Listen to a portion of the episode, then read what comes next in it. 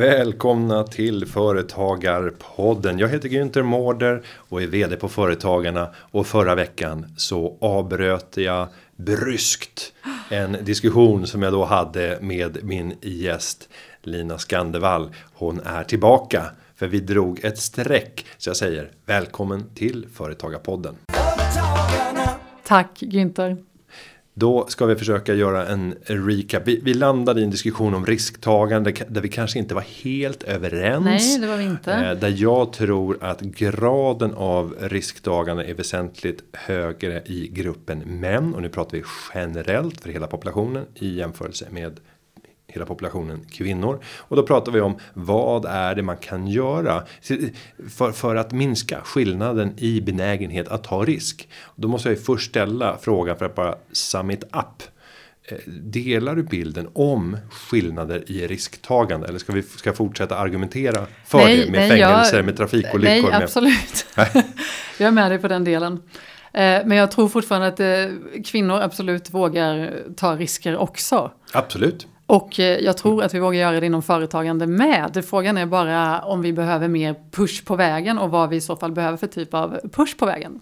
Och om vi då tittar på pushar. Vi är Sveriges största företagarorganisation. Vi har rötter från 1750-talet. Det finns 60 000 företagare i vår organisation. Vi är en tung kraft från företagarna att kunna göra saker. Vad skulle vi enligt dig kunna göra för att stimulera fler för, eh, kvinnor att vilja starta företag och av de som har startat företag att vilja växa i högre utsträckning? Alltså, för det första att vilja starta företag, det är ju en stor fråga redan där. Att uh, våga ta det steget. Där kan vi absolut arbeta mycket mer med nätverkande. Vi kan definitivt uh, satsa mer på föreläsningar och förebilder och lyfta fram dem och visa olika typer av företagande. För det får inte bli för stereotypt vad gäller företagande heller.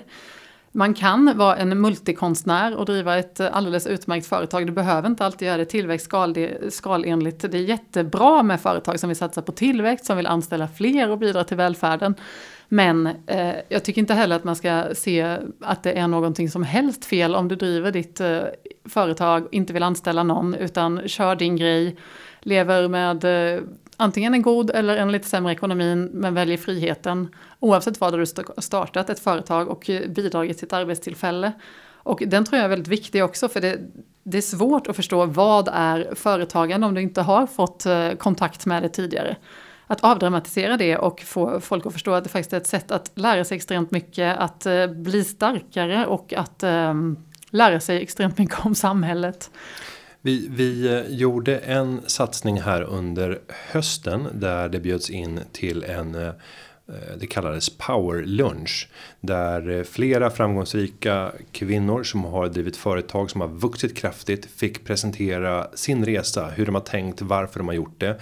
När vi bjöd in det här så sa vi att det här är särskilt riktat till dig som är kvinna. Eh, vi kommer inte stoppa dig som man i dörren, men det är inte till för dig.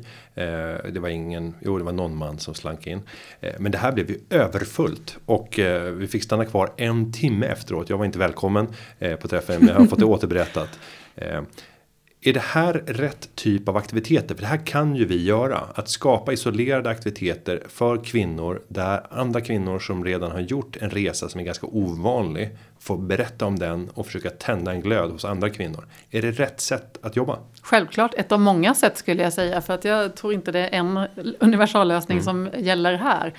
Men den delen, att få höra andras resor och förstå och dela erfarenheter, det är ju en jätteviktig del. Så det är en självklarhet att vi ska fortsätta med den typen. Jag tänker på den här uppdelningen i aktiviteter enbart för kvinnor. I min gamla värld inom investeringar eh, så blev vi lite allergiska mot det till slut. När man mm. hade så här tjejträff med aktieutbildning. Och då blev det överfullt. Då kunde det bli som 150 deltagare. Och sen när man hade bara en aktieträff med utbildningsinslag.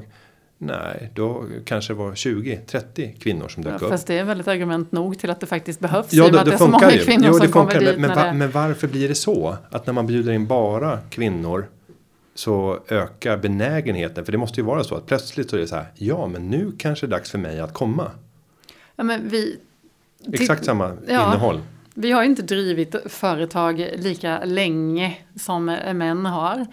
Ehm, det har inte varit lika populärt tidigare. Det växer hela tiden och vi vill att det ska växa ännu mer. Så att vi, vi kanske inte har samma kunskap och eh, kraft i det som män mer naturligt har. För att ni, ni utsätts för företagande på ett annat sätt. Och det kan väl vara en trygghet att få sitta med andra i samma situation och dela det här och ställa de frågor man vill. Och jag ser inget negativt i det. Jag tycker fortfarande inte att det finns kvinnligt och manligt företagande utan det finns bara företagande. Och det är samma fråga man ställs inför, men är det bekvämare att sitta 150 kvinnor och det kommer så många till en som pratar om en så viktig del, då tycker, ser jag inga anledningar till att inte fortsätta med det. Mm. En annan sak som vi gör och som vi dessutom har blivit prisade för. Det är ju vår tidning Företagaren. Där vi medvetet har valt att eh, helt balansera om hur verkligheten ser ut. Genom att lyfta upp varannan person som profileras ska vara kvinna. Så det ger en bild av verkligheten som inte stämmer överens eh, med hur den ser ut. Men det är en bild som är mer lik den vi önskar att den ska se ut i framtiden. Är det här rätt sätt? Ja, ja. för vi behöver mer förebilder. Det är extremt viktigt. Det, då kommer vi tillbaka till samma argumentation som tidigare. Att vi behöver förstå vad det innebär att driva företag och se att fler har gjort samma sak. För då attraherar man fler till att våga ta steget till att driva. Så definitivt tycker jag att det behövs. Och där tycker jag man ska vara väldigt tydlig. Att eh, fortsätta att ha kvinnor på framsidan som driver företag. Och framförallt inom de här sektorerna där det är vanligt att man gör det för att lyfta de här branscherna. För eftersom bevisligen många kvinnor som startar företag inom vård och skönhet och hälsa, då kan vi pusha ännu mer på det och eh, få ännu fler att starta inom de sektorerna. Det viktiga är att starta fler företag. Jag tycker inte man ska säga att det måste vara fler kvinnor inom byggbranschen, det måste vara fler kvinnor inom tech. Det är klart det är eh, en fördel om det är det också, men man kan inte tvinga in någon att starta företag i en bransch man inte kan. Startar du företag så gör ju det, du det för att du har en extrem drivkraft och vet att du kan förändra och göra saker och hitta kunder tack vare din kunskap. Det är extremt svårt att sätta sig och starta en byggfirma bara för att någon tycker att det ser snyggare ut i statistiken. Om det inte är det du kan. Det är så mm. tufft att starta ett företag som det är. Så då behöver du väldigt mycket kraft och kunskap för att bygga upp ett företag. Nej, tittar vi vidare och bara analyserar företagarna. Vi har en något högre representation av kvinnor som medlemmar i förhållande till medlem eller i, i förhållande till företagarna totalt i Sverige. Men det är inte någon större markant skillnad. Däremot när det kommer till eh, de som är förtroendevalda. Runt om i Sverige så har vi ju 2000 företagare som utöver att vara medlemmar även väljer att engagera sig ytterligare genom att ställa upp och bli valda till styrelseledamöter i den lokala föreningen för företagarna. Det finns 240 sådana lokalföreningar. Där är det nu en majoritet som är kvinnor. Vad är din analys av det här? Taskig fråga. Du har inte, behövt, du, du, har inte ens behövt tänka på den frågan. Men, men, men, i min vardag så reflekterar jag över det här. Har du någon spontan? Ska jag, jag dra min analys? Så, jag tänkte säga ja. det. Vad, vad, tror du själv att det ja, på? Intressant att du frågar Linda. Ja men eller hur. Min analys är följande. Jag tror att fler kvinnor än män känner ett större ansvar för helheten i samhället och inte bara sitt företag. Och är man företagare och får möjligheten att vara mer engagerad i det som skapar förutsättningar på orten där jag bor eller förutsättningar för hur vi möts och träffas och diskuteras inom företagarkollektivet. Och jag tror att det där gäller även i andra sammanhang där man kan påverka. Ta till exempel klassföräldrar. Nu pratar jag ut eftersom jag har eh, föräldrar eller jag har barn där man utsätts för risken att bli klassförälder. Jag tycker jag ser en kraftig överrepresentation av klassföräldrar när det kommer till kvinnor. Som utöver att man har ett arbete som tar jättemycket energi och mängder av saker som ska lösas. Så ovanpå det så tar man på sig även ett ansvar att administrera klassens aktiviteter utanför skoltid. Och på motsvarande sätt så gör analysen även när det gäller företagarna. Att det har gått från att vara det ska vi säga att det var på 1750-talet bara män som var medlemmar eh, och det var hantverks och industrirörelsen. Eh, men då grundades ju företagen som en försäkringsrörelse för att kunna försörja de änkor som fanns kvar när det ofta hände olyckor inom hantverket som gjorde att man lämnade någon efter sig som inte hade en försörjning och då fanns företagarna med de pengar som hade samlats in som kunde ge pengar till änkorna. Men nu är vi tillbaka väldigt länge sedan. ja Så precis och men- vi landade i varför det är Ja, fler kvinnor som Men jag finns. tror att det är ett bredare samhälls ett, en, en känsla av samhällsansvar. Kan jag påverka så ska jag påverka. Ja, eller att man vill ha styrelseerfarenhet för att kunna dansa vidare i nästa styrelse sen. Men vill inte män ha styrelseerfarenhet? Jo, exakt. Så varför är det mer kvinnor? Ja, men jag tänker att det inte är i, i den delen som det kan förklaras. Att det sitter fler. Du, Att det- du att tror det att det handlar om att vi känner ett större samhällsansvar? Ja, ett större ansvar för att påverka det som går att påverka. Ja, det kanske inte handlar om samhällsansvar. Det kanske handlar om ett eget engagemang. Att man eh, vill, ja, man vill få ett bättre företagande på orten. Mm. Och eh, det är väl jättebra om det är fler kvinnor som tycker det. Men där tror inte jag det handlar specifikt om att det är män eller kvinnor. Jag är snarare väldigt glad över att vi har den representationen som vi har. Men vad gäller kvinnor, men- men för det kanske är en förändring vi ser. Ja, för utvecklingen har gått ganska fort. Mm. Om vi bara tittar de senaste 20 åren så tror jag att vi har gått då från 60-40 till männens favör när det gäller förtroendevalen inom företagarna till att nu vara då över 50% kvinnor. Mm. Så skulle Eh. männen känna mer samhällsansvar förr än vad vi gör nu. Nej, men då var det mer av karaktären skulle jag säga så här. En, en statussymbol att sitta i styrelsen för företagarna i kommunen.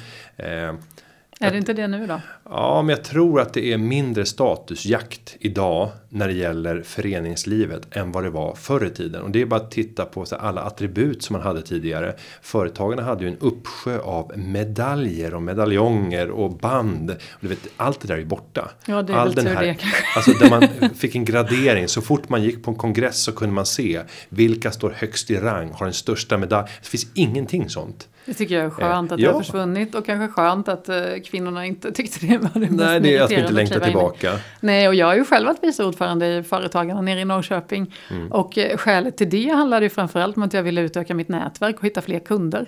Mm. Och det är mycket möjligt att det är samma skäl för dem. Och lära mig mer styrelsearbete. Jag har gått massa utbildningar och styrelseutbildningar som jag tycker är extremt värdefulla. Så det är för att få utöva det i praktiken. Otroligt lärorikt och nyttigt. Så det ser jag mer som en kompetensutveckling och kunskapshöjande kompetens på alla sätt. Liksom. Mm. Så jag tror inte det är att man har ett, ett större samhällsansvar i grunden. Utan det kan lika vara ganska mycket egoism. Tittar vi i övrigt för företagarna med karaktäristika så kan vi se att två av tre anställda är kvinnor.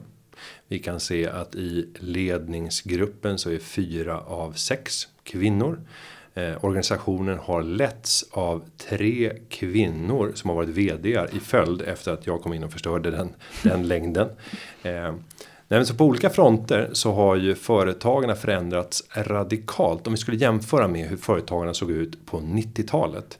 Eh, Så jag hoppas, jag vet inte men jag hoppas att vi har en positiv bidragande effekt till att öka möjligheten och också benägenheten. För det är två olika saker. Men möjligheten och benägenheten för kvinnor att starta företag och sen vilja växa.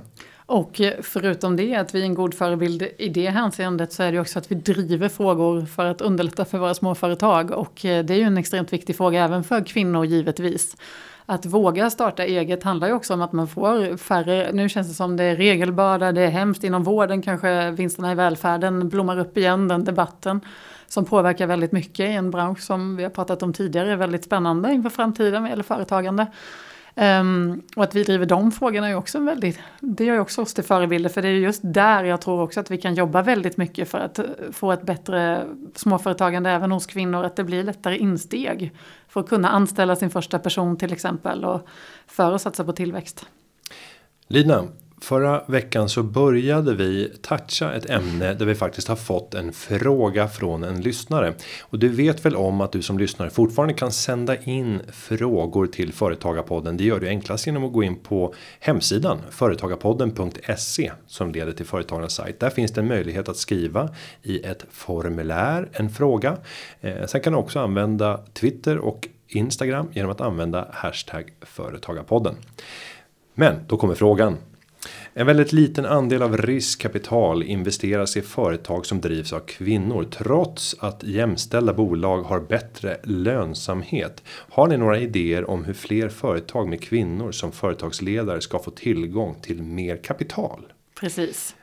Och det är ju en väldigt stor fråga. Och sen tror inte jag bara att, som sagt, som vi också pratade om i förra avsnittet, att det bara handlar om de här stora offentliga medierubrikerna, alltså den typen av riskkapital. Utan jag tror det här är en större fråga som berör eh, även banker, andra typer av riskkapitalbolag eller affärsänglar. Att det är svårare för kvinnor att få kapital idag. Tittar man på det krasst kan jag förstå att man satsar gärna på tech. Där du kan göra en exportsuccé på nolltid. Titta på Spotify och det är inte jättepersonalintensivt. Medan kvinnor satsar mer på personalintensiva branscher. Till exempel vård eller skönhet. Och där kräv, det är inte lika lätt att skala.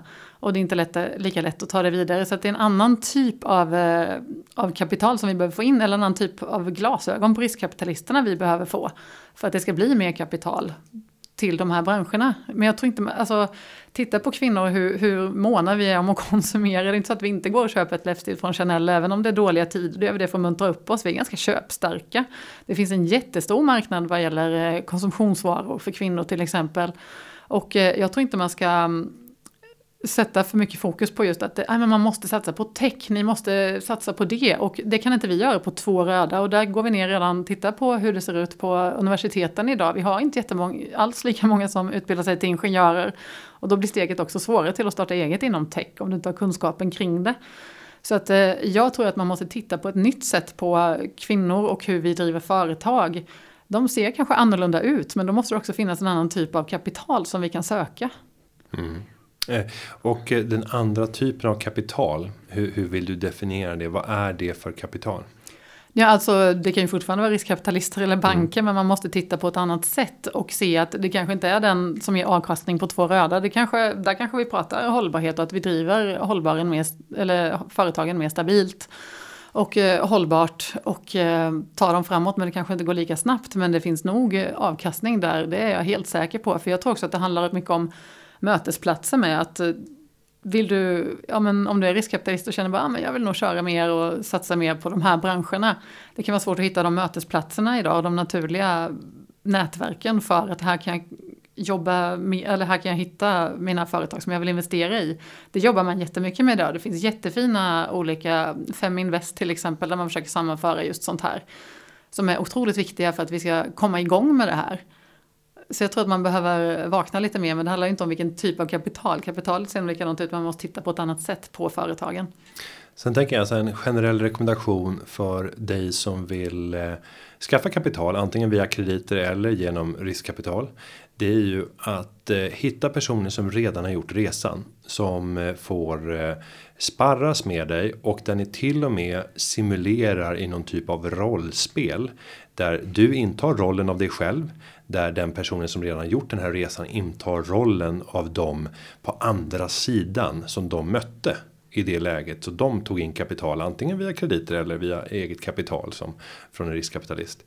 För att sen bara sparra sig de situationerna och förstå vilka frågor är det? Hur ser presentationsunderlaget ut?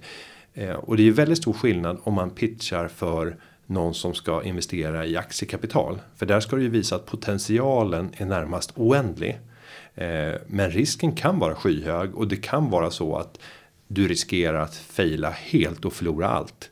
Men sitter du med en kreditgivare då ska du visa att återbetalningsförmågan är väldigt stark. Yes. Eh, uppsidan är inte nödvändigtvis den där tiodubblingen, absolut inte. Det räcker med att det blir en dubbling. Men även om det skulle bli ett fallissemang så skulle det i vart fall finnas en tillväxt och en återbetalningsförmåga. Och att förstå att de två pitcharna är helt olika. Mm. Du ska fokusera på helt olika delar av bolaget. Och det där kan man ju öva på när man presenterar sig själv. Om du ska presentera dig själv som den mest eh, extroverta och risktagande och eh, energirika personen. Om du fokuserar på alla drag du har som person. Hur skulle det låta? Och sen fokuserar du på den här att du, har, du är ordningsam. Det är ordning och reda på dig. Du kanske inte är den som söker risker. Eh, och så går du vidare med den typen av egenskaper. Hur skulle presentationen av dig låta på det sättet? Och båda kan man ju göra. Eh, och då att öva på att det gäller att bära fram olika sidor mm. av sig själv beroende på intressenten. Ja, definitivt. Alltså det handlar ju om att lära sig pitcha på rätt sätt. Men eh, jag har många väninnor som söker riskkapital just nu och de säger det spelar fan ingen roll hur man gör. För att du, du har samma, de sitter där och bara, ja men typ de här tightsen kanske min fru skulle vilja ha, Och då kanske jag kan investera lite i det här. De ser inte det här som ett företag av kött och blod. Och eh, det, det, finns, jag tycker att eh, självklart är det jätteviktigt hur du pitchar, hur du framställer all fakta och det är någonting man kan hjälpas åt med så att det går enklare för att det är en djungel och det, är ingen, det finns ingen skola att lära in sig på där utan här måste du ju aktivt söka kunskap från väldigt många håll för att göra rätt pitch. Men jag tror också att vi måste utbilda våra, de som sitter med kapitalet, att tänka på ett annat sätt också när kvinnan kommer dit. För jag tror det finns en, en väldigt stark, eh, ett starkt hinder här som vi måste börja arbeta med från båda håll. Inte bara vi som pitchar utan även från andra hållet. Mm. Hur kommer man åt det då? Ja, vi får väl köra skola. Ja, en skola för Välkommen på skola för dig som är riskkapitalist. Välkommen till företagen. Det kommer vara jättepopulärt. Alla kommer. Oh ja, eller inte, men kanske några. Alltså, det är många som försöker samla ihop riskkapitalister och sen ska och kvinnor och så försöka korsbefrukta det här. Jag tror, jag tror mycket mer det handlar om ett nätverkande så att man faktiskt förstår vad kvinnorna kan och vilka företag man driver. Och eh, för mig är det extremt, för mig är det ju jättejobbigt att prata om kvinnor och företagande egentligen i grunden. För jag tycker inte det är någon skillnad mellan män och kvinnors företagande. För alla står inför samma kamp och alla står inför samma utmaningar. Det är att leta kunder, det är bokföring, det är jobba väldigt mycket när din anställda blir sjuk. Alltså alla de här sakerna, det är ju samma oavsett om du driver ett företag inom skönhetsbranschen eller inom tech. Så att, eh, jag, jag, tycker det är så trist att man fortfarande behöver prata om det på det här sättet. Men det krävs ju bevisligen. Så länge som vi har så, så länge siffrorna ja. ser så här jättetråkiga ut. Och det har inte ändrat sig sedan vår senaste undersökning heller. Det är inte bara i Sverige utan det är i hela Europa det ser ut så här. Och eh, det är ju väldigt tråkigt och det är ju väldigt många saker som finns att göra. Och jag, som sagt, som vi sa tidigare, att det, det behövs fler undersökningar kring det här. Vad de egentliga hindren faktiskt är för att vi ska ta de här sista stegen till tillväxt. Sen eh, i förra avsnittet pratade vi om så här intressanta studier att göra. Eh, det som hade varit intressant med de eh, vänner som du har som är ute och söker riskkapital idag. Det är ju om man hade kunnat fingera ett team av män som fick exakt samma affärsidé, fick samma pitchunderlag för att sen gå till eh, riskkapitalister och så gäller det att man får ta ett tillräckligt stort antal så att det går att, att säga någonting om det. Det måste nog vara minst 20 som teamet kvinnor går till och 20 som teamet män går till med exakt samma affär för att se fanns det några skillnader? Vilka frågor ställdes? Eh, vad var det slutgiltiga beslutet? Jag är helt med på den. Det tycker jag skulle vara väldigt kul. Ohyggligt svår att genomföra. Men med rätt forskarteam och jag menar, där är ju studenter rätt lämpade för det här. För de är personer som skulle kunna driva det här företaget. Mm. Så att sätta sig ner i en grupp där man är sex stycken studenter, tre kvinnor, tre män. Ni kommer överens om en gemensam affärsidé, en gemensam pitch. Och sen så går ni ut. I själva verket så får ni avslöja efteråt att det här var bara en bluff. Det här mm. finns inte. Det tycker jag har varit jätteintressant att göra och plus eh, att se resultaten. Och skulle det vara så att männen får, för att de är män, och nu, Men det är samma typ av nu företag. Nu skickar jag även ett tips till Uppdrag granskning som kanske skulle kunna finansiera det här och hjälpa till att organisera det. Mm. Så att det är både forskning och det blir liksom lite populär samhällsbevakning. Eh, men vi ska kasta oss vidare i programmet för vi har fått ytterligare en fråga vilket vi ja, är glada över. Verkligen. Och den lyder så här nu i eh, de här jultiderna. Hur kan jag som bäst ta tillvara mellandagarna för att vässa mitt företag när belastningen är något mindre? Oh. Och då är första frågan så här. Okej, okay, nu har du några dagar där det är lite lugnare. Det frågeställaren frågar så här. Vad kan jag jobba med nu? Det är jättehärligt. Det är härligt. Ja, visst men, är det. Men, men, men kan en kommentar vara så här. Gå in i dig själv och känn. Hur mår du? Den tror jag är viktig. Vi har ju pratat om det förut du och jag vad gäller företagande och hur en företagare faktiskt mår. Man hinner knappt tänka för att man kör på hela tiden och jobbet är med dig 24-7. Um, så att jag skulle säga min första tips, släpp allting i tre dagar, gå ut och gå och uh, inse att du faktiskt jobbar samtidigt för man bearbetar väldigt mycket man inte har hunnit under hösten. Så att ta paus i några dagar är inte fel. Sen när man börjar få kli i fingrarna och känner att nu är det läge liksom, då tycker jag det är jättebra att se över vilka kunder var det jag tjänade mest på förra året, vilka ska jag satsa på i år, är det något mer, alltså lägga upp en strategi för vilka kunder man ska eh, närma sig och eh, titta över sin, alltså allt det där man inte hinner annars, de där dåliga samveten, gå igenom alla mejl, strukturera upp så det är som ett nytt år när man Nu fick, nu, nu fick jag en rolig idé. Ja, jag såg det. Ja, det var så här, ja, där kom den. Det var du som eh, gjorde att jag, jag eh, började tänka tanken. Jag tänker så här, i mellandagarna, vad är det vi väntar på då? Nyår. Nyår är fullt, fyllt av sammanfattningar, det är nyårskarameller, det är listor, det är topp och det är botten. Tänk dig att göra en lista över mitt företagarår. Och där du säger eh, bästa företagardagen 2019 var. Vilken var den dagen? Värsta företagardagen 2019 var.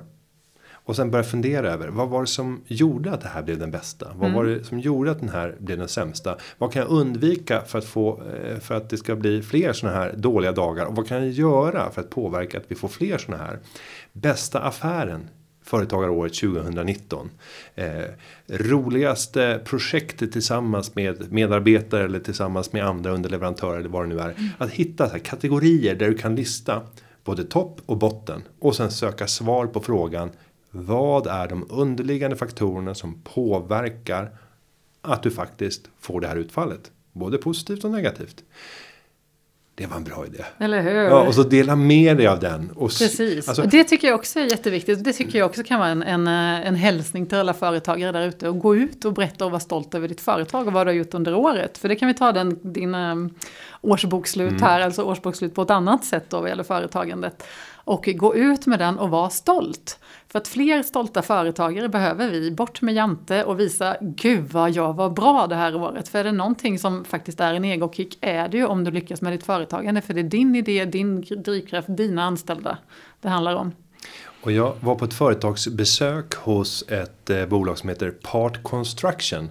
Eh, och där lät eh, vd göra en beräkning av hur mycket skatt som eh, företaget hade genererat. Och han stannade inte vid att bara titta på vad bolaget hade betalat för sig självt och för sina anställda. Utan tittade även på vad gör medarbetarna med sina pengar. Och började titta på moms och började titta i ett vidare perspektiv hur mycket företaget bidrar till sitt samhälle. Och det här började han sen berätta för alla anställda så att de skulle känna en stolthet över att det är vi tillsammans som skapar förutsättningar för liv i kommunen. Utan oss, fundera över om vi skulle dra bort alla de här tiotals miljonerna som vi bidrar tillbaka till kommunen. Vad hade funnits kvar utöver att vi löser massa problem genom vårt företagande? Så att göra en lite så här skrytbild men där du gör det lite mer ödmjukt genom att tala om hur stolt du är. För då, man, om man skryter och så samtidigt säger jag är så stolt över. Då, Tacka då- mig, det är ja, tack då- vare mig ni kan Då gå till lite sjukhuset. mjukare. Ja, precis. Nej, så här, hur, hur, om du har skapat arbetstillfällen. Eh, berätta om hur många arbetstillfällen du har skapat. Under de senaste tio åren så har vi skapat tio års arbetstillfällen. Ja, det betyder att du haft en anställd under tio år. Eh, men det låter Men det lite. Ja, precis. fetare. Eller hur? Räkna Nej, ut hur mycket kommunalskatt som har betalats in på de Ja. löner som har betalats ut från dig. Räkna ut hur mycket bolagsskatt du har betalat. Ja, du och jag ganska mycket i mellandagarna i och för sig. Ja, Ja, precis. Men, det, men, men eh, och sen kan man avsluta med retorisk fråga. Behöver vi fler eller färre som jag? Nej. Det,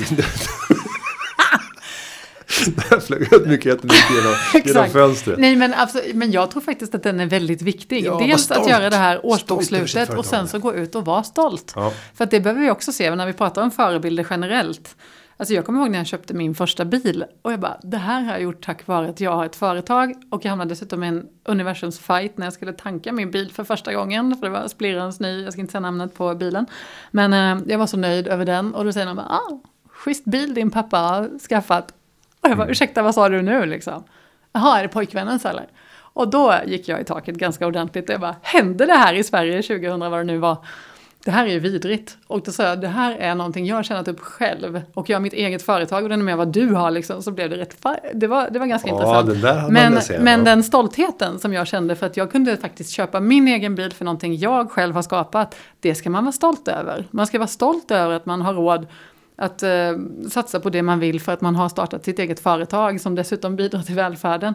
Jag tycker vi behöver se mycket mer sånt. Att vi säger att vi ska lyfta fram förebilder tack vare våra tidningar och våra sociala kanaler. Det är jätteviktigt men även du som företagare kan faktiskt göra det.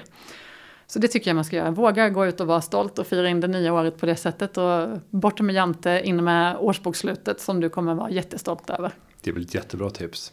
Sen tänker jag på ett annat klipp som jag skulle vilja se göras. Det är TV4 Nyhetsmorgon när man sitter och skapar Triss. Eh, men istället för trisslotten så byter vi ut det mot en årsredovisning och sen är det företagare. Och sen så på något sätt så, så gnuggar man fram resultatet. Och så bara, det är ett rekordresultat. Och hur mycket utdelning blir på det? Då ska vi se. Nej! nej. nej, 50, Skatt, nej, 50 000. Åh nej. Så bara, du hade hoppats på mer. Så bara, ja det hade jag gjort. Och sen Ja. vid något tillfälle så är det 3 miljoner. Så bara, men grattis! Och så applåd man till med studiomannen. Men vilken fet utdelning! Vad ska du göra med pengarna? Nej, men att vända perspektivet. Ja, Vi kan vet. sitta och applådera åt när man skrapar fram en jävla trisslott. från ett statligt sättet. lotteri. Ja, då är det, men då är springer du efter en boll och är jubel. väldigt duktig så blir det precis samma sak Ja, också. men när man som företagare skrapar ihop en rejält fet utdelning. Usch. Då ska man nästan skämmas. Mm, precis. Nej, så Det det, har du säkert snikat dig till de där pengarna. det där Triss-klippet. Eh, det får vara ett tips till, till, till TV4 att producera. För det, Det kan vara din att det uppgift är. i mellandagarna och pitcha TV4 om det Ja, här. att ta det mig låter in. ju fantastiskt. Ja, Lina, vi kommer få anledning att eh, ha med dig här i studion även framöver. För det här tycker jag är eh, spänstigt, roligt eh, och eh, förhoppningsvis ett innehåll som gör att du som företagare får nya perspektiv och framförallt bättre förutsättningar att bli framgångsrik som företagare. Så med det Lina, stort tack för att du kom till Företagarpodden två gånger på raken. Tack för det och gott nytt år. Ja, detsamma. Och med det här ska vi säga att underlaget för dagens sändning har förberetts av David Hagen och klippningen har gjorts av Petra Chu. Vi hörs igen nästa vecka, varje vecka. Företagarna, ja, ja, ja, ja, ja, ja. Företagarna, ja, ja, ja, ja, ja, ja.